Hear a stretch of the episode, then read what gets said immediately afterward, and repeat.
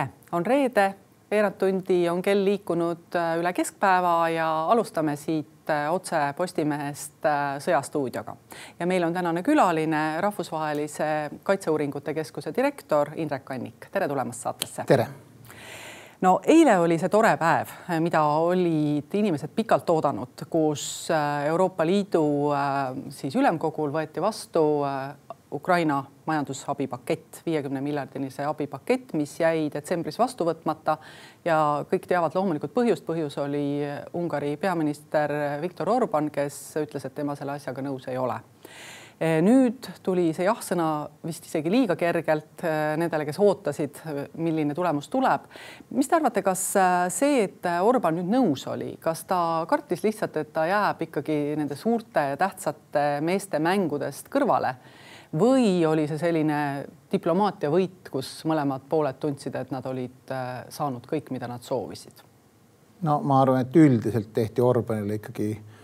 üsna üheselt selgeks, et ega tal tegelikult pole võimalus üks blokeerida ja kui ta üritab blokeerida, siis sellele järgnevad ka nii-öelda finantsrepressioonid Ungari vastu Euroopa Liidu poolt. Ungari on ikkagi, Ungari jaoks on Euroopa Liidu tulevad abirahad väga olulised ja, ja Ungaril ei ole ruumi nendega riskida, et noh, tegelikult need sõnumid, mis tulid Euroopa Liidu erinevatelt liidritelt, olid ma ei ütleks liiga diplomaatilised, need olid ikka üsna otsekohesed ja, ja kuna seda öeldi ka avalikult, siis noh, ega see Orbani jaoks, ma arvan, rõõmustav nii-öelda taganemislahing ei ole. okei okay,, ta sai lõpuks selle, et iga aasta peetakse kord arutelu selle finantstoetuse edukuse ja edasiste võimaluste suhtes. noh, mis on ma arvan, okei okay,, seda tehtakse nagunii ühes või teises vormis, nüüd on see sinna ametlikult sisse kirjutatud. et see oli tema ainuke nii-öelda näiline võit, aga noh, tegelikult ta pidi oma positsioonidelt lihtsalt taganema kuidas tegelikult on, võib-olla peaks natuke kuulajatele-vaatajatele selgitama, et äh, kas päriselt on ka need lahendused juba praegu sahtlis olemas, juhul kui tuleb mingi järgmine oluline küsimus ja Orban või, või ka keegi teine otsustab, et tema tegelikult astub äh, rõhuva enamuse vastu või on praegu ikkagi jäädud sellisele noh, sõnade tasandile ja mõeldakse, et noh, kui asi käes, siis mõtleme?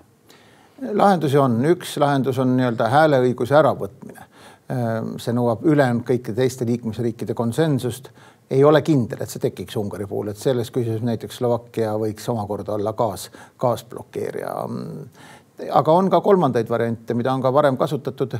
on, et see abi ei tule nii-öelda EL-i abina, vaid riigid annavad laenu sama summade ulatuses põhimõtteliselt, nii et, et möödaminekumehhanisme on, aga no ma arvan, et parem on, kui ei pea kasutama väga keerulisi möödaminekumehhanisme, vaid otsused saab konsensuslikult ära teha. ja teiseks ma ütlen, Ungaril ei ole väga suurt mänguruumi tema enda majandusolukorda arvestades nii-öelda üksinda asjade pikaks blokeerimiseks ja no ilmselt ka, kui minna see, neid teisi teid pidi, siis tegelikult võib juhtuda see, et äh, see abi viibib veelgi. Äh, sest äh, kui minna nüüd iga riigi, ma saan aru, et mõnikord tuleb minna või tulebki minna parlamenti ka, siis see tähendab ikkagi võib-olla jälle selliseid üllatusi, mida mida ei oska muidu nagu arvata. jah, see tähendab, isegi kui ta ei tähenda üllatusi, siis tähendab ajakkaotust, see tähendab ikkagi, ma arvan, et kõik ülejäänud, ülejäänud riigid, kui ratifitseeriksid selle otsuse, mis pakuks Ukrainale rahandusabi, see võtaks ikkagi kaks-kolm kuud kindlasti aega, et need asjad ei käi nüüd üleöö, kui kõik, kõikide riikide parlamendid peavad seda ratifitseerima. no huvitavalt on käitunud ka võib-olla siis teistmoodi kui kardeti, on käitunud ka Slovakkia peaminister, kes on olnud siis ametis üle kolme kuu nüüd juba, Robert Vitso, kes tegelikult on jäänud ikkagi enamusega kuidas ma ütlen, nõusse ja mitte läinud siis Orbani teed, et mis te arvate, kas selle taga on nüüd rohkem see, et ta on alles uus ja elab sisse või äh, ikkagi äh, tal on veel rohkem kaotada kui Ungaril, sellepärast et Slovakkia sõltub äh, majandusabist Euroopas veel rohkem ja ta on vaesem riik? no ma arvan, et põhiline põhjus on see, et Fico nii-öelda tähelepanu on esmajoones võimu konsolideerimisel riigi sees, et kui ma olen siin erinevate inimestega Slovakkiast rääkinud, siis Fico võimule tuleku järel oli nende üsna üksmeelne prognoos, et, et lähimal paaril-kolmel aastal ta suureks konsensuse rikkujaks Euroopa Liidus või NATO-s ei kujune. et see on võimalik alles siis, kui ta on oma sisepoliitilise võimu ära konsolideerinud. et noh, ka Orban on tõsiseks probleemiks hakanud kujunema viimasel paaril-kolmel aastal, et enne ta küll rääkis enne ülemkogu, et ma olen sanktsioonide vastu, mulle see ei meeldi, aga kui ülemkogu otsus langetati, siis vaatas alati kusagile kas lakke või põrandale ja, ja ei, ei kasutanud vetot. aga nüüd nüüd noh, viimase aasta jooksul me näeme, et ta on hakanud tõesti aeg-ajalt seda vetot kasutama. ja see on tulnud pärast seda, kui ta võitis viimased parlamendivalimised Ungaris ja uuesti oma positsiooni täielikult ära konsolideeris. et ma arvan, et Fischer on ka praegune põhiline energia läheb ikkagi oma sisepoliitilise võimu konsolideerimisele no täna ei saa mööda minna tegelikult, äh, mis siis me peaksime rääkima Ukrainast, äh, ei saa siiski mööda minna sellest, et äh, on tähtis päev, sada neli aastat möödub Tartu rahulepingu sõlmimisest ja, ja see oli siis nagu on öeldud, suur diplomaatia võit, umbes nii nagu siis eile oli, oli siis ka Euroopa Ülemkogul see Ukraina abipaketi vastuvõtmine, diplomaatia võit vähemasti tundub, et nii öeldakse. et ähm, samas me teame ju väga selgelt, et see ütleme ka sõda tuleb lõpetada mingisuguse, tõenäoliselt mingisuguse lepinguga varem või hiljem. aga kui see pool, kellega ka Eesti tegi omal ajal rahulepingu, no tegelikult nendest lepingutest kinni ei pea, et, et mis diplomaatiast me siis nagu räägime, et kas see on lihtsalt selline nagu ütleme, et kui venelastel on hambad kurku löödud, nagu kasutades siin kellegi teise fraasi, äh, siis lihtsalt ta on sunnitud sellele lepingule alla kirjutama, aga sellist äh, rahumeelset kokkuleppimist ei ole nagu oodata, kui Ukraina peale mõelda. ma arvan küll paraku, et see on niimoodi, et Venemaa teeb lepinguid siis, kui tal muid võimalusi ei ole, et nii ta tegi Eestiga lepingu äh, ja nii ta teeb tõenäoliselt kunagi ka Ukrainaga lepingu. Ähm, see ei tähenda, et Venemaa kavatseks sellest lepingust igavesti kinni pidada, ta peab sellest kinni täpselt nii kaua, kuni tal muid võimalusi ei ole, nagu nägime ka Eesti ajaloost, et et neli aastat hiljem üritati või neli pool aastat hiljem üritati Eesti riiki kukutada ja hävitada kommunistide mässu kaudu, bolševikide, bolševikude mässu kaudu. ja noh, on täiesti selge, et kui Vene-Ukraina rahule ühel hetkel ei järgne Ukraina liitumist NATO ja Euroopa Liiduga, siis Venemaa mitte liiga kauges tulevikus üritab uuesti Ukrainat annekteerida või vallutada võimalikult suurt osa Ukrainast, kuna Vene nii-öelda äh, loogilises mõtlemises ei ole Vene impeerium võimalik ilma Ukrainata, et see on nendele nii suur haav, et nad kindlasti võtavad selle teema esimesel võimalusel uuesti ülesse, kui nad on kosunud, kui nad on uuesti oma majanduse enam-vähem jalule saanud, kui nad on uuesti oma sõjaväe suutnud üles ehitada. et jah, et äh, sellele peavad järgnema järgmised meetmed et kuni me ei näe ikkagi väga massiivset Vene ühiskonna kui terviku muutumist, et kogu selle imperialistliku agressiivse mentaliteedi kadumist ei, ei ole küll põhjust Venemaa suhtes ka peale selle sõja lõppu, isegi kui see lõpeb hästi, suhtuda kuidagi heatahtlikult ja positiivselt, et vastupidi, tuleb äärmise umbusuga suhtuda ja jätkata oma ettevalmistusi vajadusel järgmisteks sõdadeks. no Äh, nüüd meil on tõesti Ukrainal äh, see hea uudis, et äh, majandusabi on saadud, ametnike palgad eeloleva nelja aasta jooksul võib-olla on võimalik välja maksta selle rahaga, aga sellest ju ainuüksi ei piisa, et sõjaväljal edu saavutada ja tõepoolest siis Venemaa selliselt paika panna, et vähemalt mingi aegki oleks sõjast puhkust, et et kuidas või mis seisus on praegu see sõjalise abi saamine, kui tulevad ikkagi väga ärevaks tegevad uudised? Eile arutati ülemkogul ka ju Euroopa Liidu sõjalise abi paketti ja selles veel lõplikule kokkuleppele ei jõutud, aga Charles Michel ütles, et toimus oluline edasiliikumine. et noh, nüüd võib öelda, et kolmest suurest paketist, mis on nüüd viimased paar kuud arutatud, esimene siis võeti eile vastu, see majandusliku abi pakett. Euroopa Liidu sõjalise paketi puhul ma oleksin ka üsna kindel, et see varsti, varsti kokkuleppele jõutakse USA puhul on olukord keerulisem, et seal on siis alates oktoobrist kongressis sõjalise toetuse pakett eh, nii, nii Ukrainale, Iisraelile kui Taiwanile, millega kaasneb siis ka omakorda Ukra-, USA enda lõunapiiri kindlustamise pakett ja see on nii-öelda puhtalt sisepoliitilise kemplemise taha vaibunud ja, ja veninud, et mm, eile teatas senati enamuse liider, ähm, demokraat Schumer, et, et tõenäoliselt järgmisel nädalal senatis toimub ehk siis USA parlamendi ülemkojas toimub see hääletus. seal tõenäoliselt kokkulepe sünnib äh, demokraatide, vabariiklaste ja Valge Maja vahel. kas selle kokkuleppe kiidavad lõpuks heaks ka ekspresident Trumpile märksa lähedal seisvad esindajate koja vabariiklased, kellel on esindajate kojas väga napp enamus ei julge ma täna jätkuvalt veel kindel olla, et seal on erinevad võimalused laual, on võimalus, et see võetakse ikkagi lõpuks vastu, on võimalus, et nüüd lahutatakse uuesti eh, sõjaline abi Ukrainale, Iisraelile, Taiwanile ära lõunapiiri küsimustest. aga see venimine on piinlik, see ei näita, et USA suudaks sellele sõjale läheneda strateegiliselt ja, ja, ja noh, tegelikult nõrgestab see Ameerika Ühendriikide liidripositsiooni kogu maailmas USA presidendivalimised, eks ole, on järgmise aasta novembris. selle aasta novembris. vabandust, vabandust, selle aasta novembris, aga, aga peaaegu aasta läheb ja. enne, kui president ametisse astub. et mis siis vahepeal saab, et, et no ütleme nii, et, et võib-olla tõesti lähebki nii, et vabariiklased ütlevad, et äh, väga tore on seda Ukrainat kasutada selleks, et et öelda, et vaadake, et enne kui me siin ei saa mingeid olulisi asju paika, et enne seda me kahjuks ei saa Ukrainale abi anda ja, ja tõesti, see jääbki venima ja, ja isegi kui pärast vabariiklased äh, annavad selle abi, kui uus president on ametis, siis äh, siin on ikkagi no kaksteist või kolmteist kuud aega, enne kui see abi kohale jõuab, et mis siis saab? Oleks siiski mõõdukalt optimistlik, et see abiotsus tehakse selle aasta jaoks ka ära nii-öelda ühel hetkel, aga see võib veel venida ja, ja, ja juba praegu tegelikult see rohkem kui kolmekuuline venimine on, hakkab tasapisi mõjutama Ukraina olukorda ka rindel, et noh, ma arvan, teatud moona on Ukrainal vähem, kui, kui oleks hea. praegu ei ole olukord veel väga kriitiline, aga see olukord muutub kindlasti kriitiliseks kusagil kevadsuveks ja, ja kui see otsus ei tule nüüd lähima paari nädala jooksul, siis ta muutub ikkagi väga kriitiliseks, kuna noh, otsuse tegemisest vastava relvastuse, varustuse jõudmine rindele võtab ka ikkagi aega, et noh, see on keeruline logistiline operatsioon, et need asjad sinna jõuaksid. et äh, see tähendab muidugi seda, et ukrainlaste olukord mitmetes rindelõikudes muutub problemaatiliseks, nad peavad tegelema veel rohkem kaitsmisega, nad peavad olema tõenäoliselt valmis ka teatud taganemisteks teatud rindelõikudel ja, ja noh, see on ainult see, mis venelastele väga meeldiks. miks ma arvan, et see asi lõpuks ikkagi laheneb lähikuudel, on see, et, et ma ei usu tegelikult, et äh, ka vabariiklased tahavad valijaskonnale jätta muljet, et nad äh, Äh, ja ka hiinlastele, et nad tahavad jätta muljet, et nad jätavadki oma liitlased hätta ja loobuvad neist ja reedavad neid. et äh, see tõenäoliselt ei ole nende huvides ka nii valimisi silmas pidades kui pikemaaegset geopoliitilist vastasseisu Hiinaga silmas pidades. et sellest tulenevalt ma arvan, et see lõpuks mingi kokkulepe sünnib, aga see on, nagu ma ütlesin, piinlikult kaua veninud no ikkagi natukene on see see, et, et kui sa oma liidripositsiooni kusagil käest ära annad, siis seda tagasi võtta hiljem on oluliselt keerulisem, sellepärast et maailm läheb vahepeal edasi ja, ja võib-olla mingisugustest äh,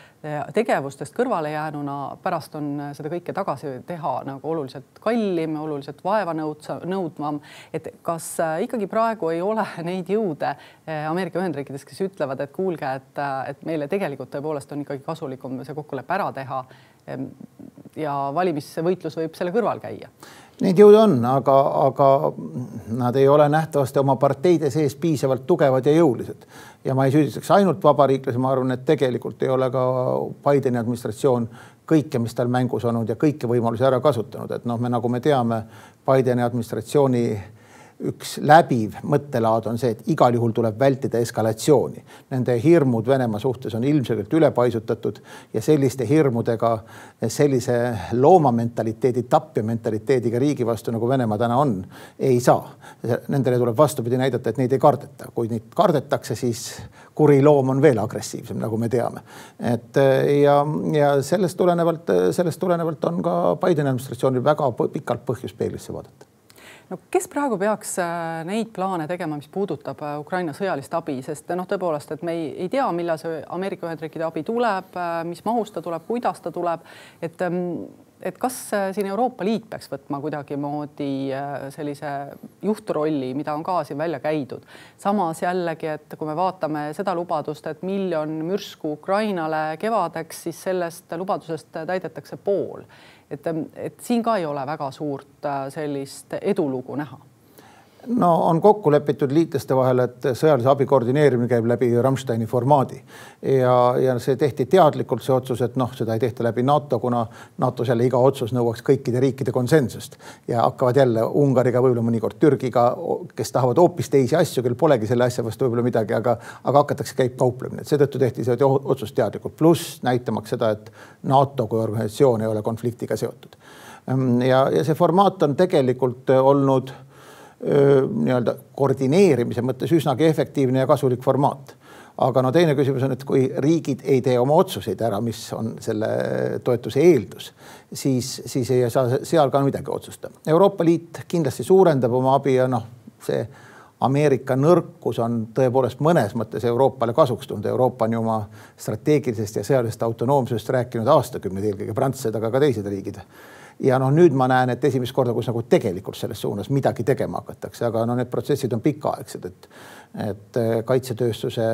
käivitamine, ülesehitamine, mastaapselt laiendamine võtab aega, see ei ole nagu asi, mida teeks ähm, nädala-kahega ja teiseks äh, nendel firmadel peab olema ka kindlus, et hankeid jätkub piisavalt pikaks perioodiks, et see tagaks nendele majandusliku kasumlikkuse. et kui on kahtlus, et kaks-kolm aastat tellitakse, siis väga kalleid igasuguseid aparaate ei ole põhjust ostma hakata, see ei taga garantii, ei garanteeri seda, et, et need lõpuks kasumlikuks osutuvad no huvitav, äh, vaadates ikkagi seda geopoliitilist olukorda, siis äh, tegelikult ei ole ju arvata, et kahe aasta pärast ei ole meil ühtegi mürsku enam vaja. et, äh, et miks neid pikaajalisi lepinguid siis lääneriikide valitsused ei tee? ma arvan, et lääneriikide valitsuste peas valitseb kusagil pea kaugemas otsas ikkagi veel lootus, et äkki läheb mööda et äkki me ei pea nii-öelda tagasi minema külma sõja aegsesse maailma, kus riikide kaitsekulutused ongi kaks koma viis, kolm, neli, viis protsenti SKP-st, vaid äkki saab tagasi minna sinna, kus see on üks kuni üks koma kolm teatud riikide puhul ja kus jääb raha muudeks asjadeks üle, mis võib-olla on valijate häälte kättesaamisel äh, olulisemad kui, kui sõjalised kulutused. kes võiks neid äh kuidas ma ütlen, neid mõtteid muuta või, või seda kaalukaussi kallutada, et kas äh, Ukraina saaks siin midagi rohkem ära teha või peaksid olema meil ikkagi Euroopa Liidu sees ka heas mõttes liidrid, kes äh, teisi üles klopivad. no meie oma Kaja Kallas kindlasti on teinud tänuväärset tööd, aga ka Olav Scholz on viimasel ajal äh, võtnud sellise äh, võib-olla isegi natuke patroneeriva hoiaku, et, et kuidas teile tundub, et kas, kas või kes peaks siis selle teemaga rohkem aktiivsemalt tegelema? no Ukraina puhul nendel on üsna võimatu palju rohkem teha, kui nad on teinud, nad tegelevad sellega igapäevaselt, iga, igatunniselt võib öelda. ja no ma arvan, et Eestil ja Balti riikidel on ka palju rohkem juba raske teha, et me oleme ka nagu sellest rääkinud sõja algusest alates iga päev. et jah, küsimus on nüüd ikkagi, kuidas suuremad riigid järgi tulevad, et Saksamaa puhul me näeme siin mõõdukat järeletulekut ja see on läinud ilmselt paremaks suhtumise algusest alates Äh, Suurbritannia on küll olnud teatud asjades väga hea, ta on murdnud jää mitmes küsimuses, andnud mingeid relvasüsteeme ja siis on järgnenud teised riigid ka. aga oma kaitsekulutuste tõstmises Suurbritannia ei paista üldse silma, pigem on siin jutt, et isegi vähendame veel teatud kaitsekulutusi. Ähm, noh, et, et selles mõttes nad ei tule kaasa, prantslased liiguvad edasi, aga isegi aeglasemalt kui sakslased et, et ähm, noh, suured mahud saavad tulla ikkagi suurtelt riikidelt, Eesti, Läti, Leedu, Soome võivad pingutada, aga see ei ole piisav, et, et võita sõda Venemaaga üksinda. et selleks peab pingutama Saksamaa, Suurbritannia, Prantsusmaa, Hispaania, Itaalia, Poola, noh, Poola on ka muidugi väga palju pingutanud just, aga et kes see võiks olla, kes neid, kuidas ma ütlen, heas mõttes üles klopib. Eh, kas eh, nad peaksid kuidagi koos eh, jõudma selle mõtteni või, või võiks olla keegi selline pioneer, kes ütleb ja küsib, et no aga kuidas nüüd on, et kas juba tuleb edusamme? no Euroopa suurte riikide liidrite hulgas ma täna Ronald Reaganit või Margaret Thatcherit siiski ei näe, et, et see peab ikkagi nagu koos teadvustatud edasiliikumine olema ja ja mõnes mõttes mulle tundub, et avalik arvamus enamikes riikides on isegi nagu selleks muutuseks rohkem valmis, kui poliitiline klass on selleks valmis et, et, et muutused toimuvad ikkagi poliitiliselt ka siis, kui avalikkus nende vajalikkusest aru saab tavaliselt ja, ja see, ma paneksin nagu sellele kõige rohkem lootust, et inimesed hakkavad aru saama. mida me näeme, on ka see, et erinevate Euroopa riikide sõjaväejuhid on siin viimase paari-kolme nädala jooksul väga jõuliselt rõhutanud seda, et tõepoolest sõda Venemaaga on reaalsus ja seda suurem oht selleks sõjaks on siis, kui me juba praegu ei pinguta rohkem ja rohkem ei relvastu. et ma arvan, ka see mõjutab avalikku arvamust ja see omakorda mõjutab poliitikuid ehm Ukraina armeejuht Zalužnõi on siin mõned päevad tagasi tulnud välja mõtetega, et tegelikult praegu see selline hangunud aeg, mis on mõlemal poolel, vaenupoolel siis nii venelastel kui Ukrainal, seda aega võiks kasutada hästi ära ja, ja mõelda välja ikkagi täiesti uued tehnoloogilised eh, relvasüsteemid, eh, millele venelastel ei ole midagi vastu panna. selleks oleks vaja natukene raha ja natukene ajusid ja just nimelt fookust. Ehm, mis te arvate, kas see plaan on realistlik? ta pakkus, et viie kuuga oleks see võimalik ära teha ma ei tea, kas ta viie kuuga on realistlik, aga tervikuna on ta kindlasti realistlik, et tehnoloogiline mahajäämus Venemaal võrreldes läänega on ikkagi massiivne ja, ja selles mõttes tehnoloogiate kiirema edasiarendamise suunas lääs ja ka Ukraina ise, lääne toetusel suudavad kindlasti liikuda. noh, töö selles suunas ju tegelikult käib, et Ukraina sõjalised võimalused on täna juba noh, uskumatult paremad, kui nad olid äh, aasta tagasi, et me näeme siin, et Musta mere laevastiku opereerimine mitte enam ainult lääne Lääne-Mustal merel, vaid juba ka Ida-Mustal merel ja keskmust, kesk, keskosas kindlasti on muutunud väga küsitavaks ja ohtlikuks tegevuseks. Krimmi sõjaväebaasid on pidevate rünnakute all, Peterburi linn on pidevate rünnakute all ja selle käigus ütleb Vene, Vene Riigiduuma kaitsekomisjoni esimees, et meil lihtsalt ei jätku Peterburi riigi suuruselt ja tähtsuselt teise linna kaitseks õhutõrjeüksusi. et see nagu näitab, et teatud arengud on aga Venemaa on muidugi suur ja lai ja, ja selleks, et rünnata Venemaad nii efektiivselt, et see neid oma ideoloogilisi ja poliitilisi otsusi muutma paneks, sellest ollakse veel üsna kaugel. Ehm mida ikkagi annaks ära teha siin veel nüüd lääneriikidele, et no üks on see droonitööstus, kuhu kindlasti, mida rohkem läheks raha sisse, seda rohkem neid droone tuleks, sest justkui juba teatud mudelid on välja töötatud, et on veel midagi, mida saaks nagu teha reaalselt no eks sõja, jah, sõjatööstuse peale. mitmeid asju, mida saaks teha, ikkagi jätkuvalt ei, ei saa me jätta rääkimata nendest piirangutest, mis on Ukrainale pandud, äh, millega Ukrainat sunnitakse sõdima nii-öelda üks käsi, käsi selja taga, et ukrainlastele ei ole antud õigust kasutada lääne relvastust Venemaa territooriumil olevate isegi sõjaliste objektide jaoks, rääkimata ütleme infrastruktuuri objektidest näiteks äh, seda, seda õigust neil ei ole. teiseks, ukrainlastele antav relvastus on Eh, nende tegevusraadiust on samamoodi piiratud nähtavasti samal põhjusel, et, et isegi, et kui luba ei ole, äkki nad ikkagi lasevad Venemaa territooriumile, seetõttu näiteks ATKMS ei ole antud maksimaalse tegevusraadiusega nende käsutusse, et eh, ka olemasoleva üleantud tehnoloogia puhul on, on palju asju, mida, mida saaks muuta efektiivsemaks, pluss kogused ei ole piisavad. et nagu rääg, räägiti tankiabist, siis noh, see hulk, mis anti, ei olnud ikkagi sõja otsustavaks mõjutamiseks ilmselgelt piisav. et kui nüüd F kuueteistkümned hakkavad selle aasta jooksul tulema ja nad ei tule ka kindlasti mitte korraga, siis noh, räägitakse siin viiest kuni kuuest eskadrillist. no see jälle, ma arvan, et see aitab saavutada Ukrainal õhus enam-vähem tasakaalu Venemaaga, aga see ei anna kindlasti ülekaalu õhus Venemaa, Venemaa suhtes endiselt. et noh, ka kogused on olulised tõepoolest, see on üks ilmselt üks probleem ongi see, et, et need abid tulevad, aga nad ei tule koordineeritult ja ühe korraga, mis võimaldaks äh, tõelist murrangut, et et äh, selle poole liikumisel ilmselt oleks vaja nüüd tõepoolest, äh, kui see mürsu leping nüüd pädeb ja tõepoolest aasta lõpuks need miljon ja natuke peale mürsku Ukrainale tulevad, võib-olla siis ka need teised teised võimalused võtta nagu hoogtöö korras ette, et ähm, mis te arvate, kas sellest oleks kasu? Ei no kõikides valdkondades peab Euroopa sõjatööstus edasi liikuma ja ka Ameerika eda, sõjatööstus edasi liikuma, et, et äh, tuleb arvestada, et tegelikult me oleme jõudnud ikkagi nii-öelda aega, mis on ohtlikum kui enamus külma sõda, et äh, Nõukogude Liidu juhtkond ei olnud nii agressiivne, ütleme peale Stalini surma, nagu on tänane Venemaa juhtkond. ja me näeme ka märke, et samamoodi Hiina liigub üha agressiivsemas suunas, ta ei ole veel läinud nii kaugele nagu Venemaa, ta ei ole alustanud suuri sõdasid, aga, aga, aga ei saa, miski ei kinnita, et ta ei võiks neid alustada. et selles mõttes lääs peab arvestama, et järgmised kümnendid tuleb väga suuresti pühendada sellele, et kaitsta iseennast ja oma, oma lähimaid liitlasi. No ega me täpselt ju ei tea, palju Ukrainal veel neid sõjavarusid on ja väga hea, et me ei tea, sest siis äkki venelane ka ei tea, aga, aga kuidas praegu see rindejoon ja see tegevus rindejoonel kulgeb, et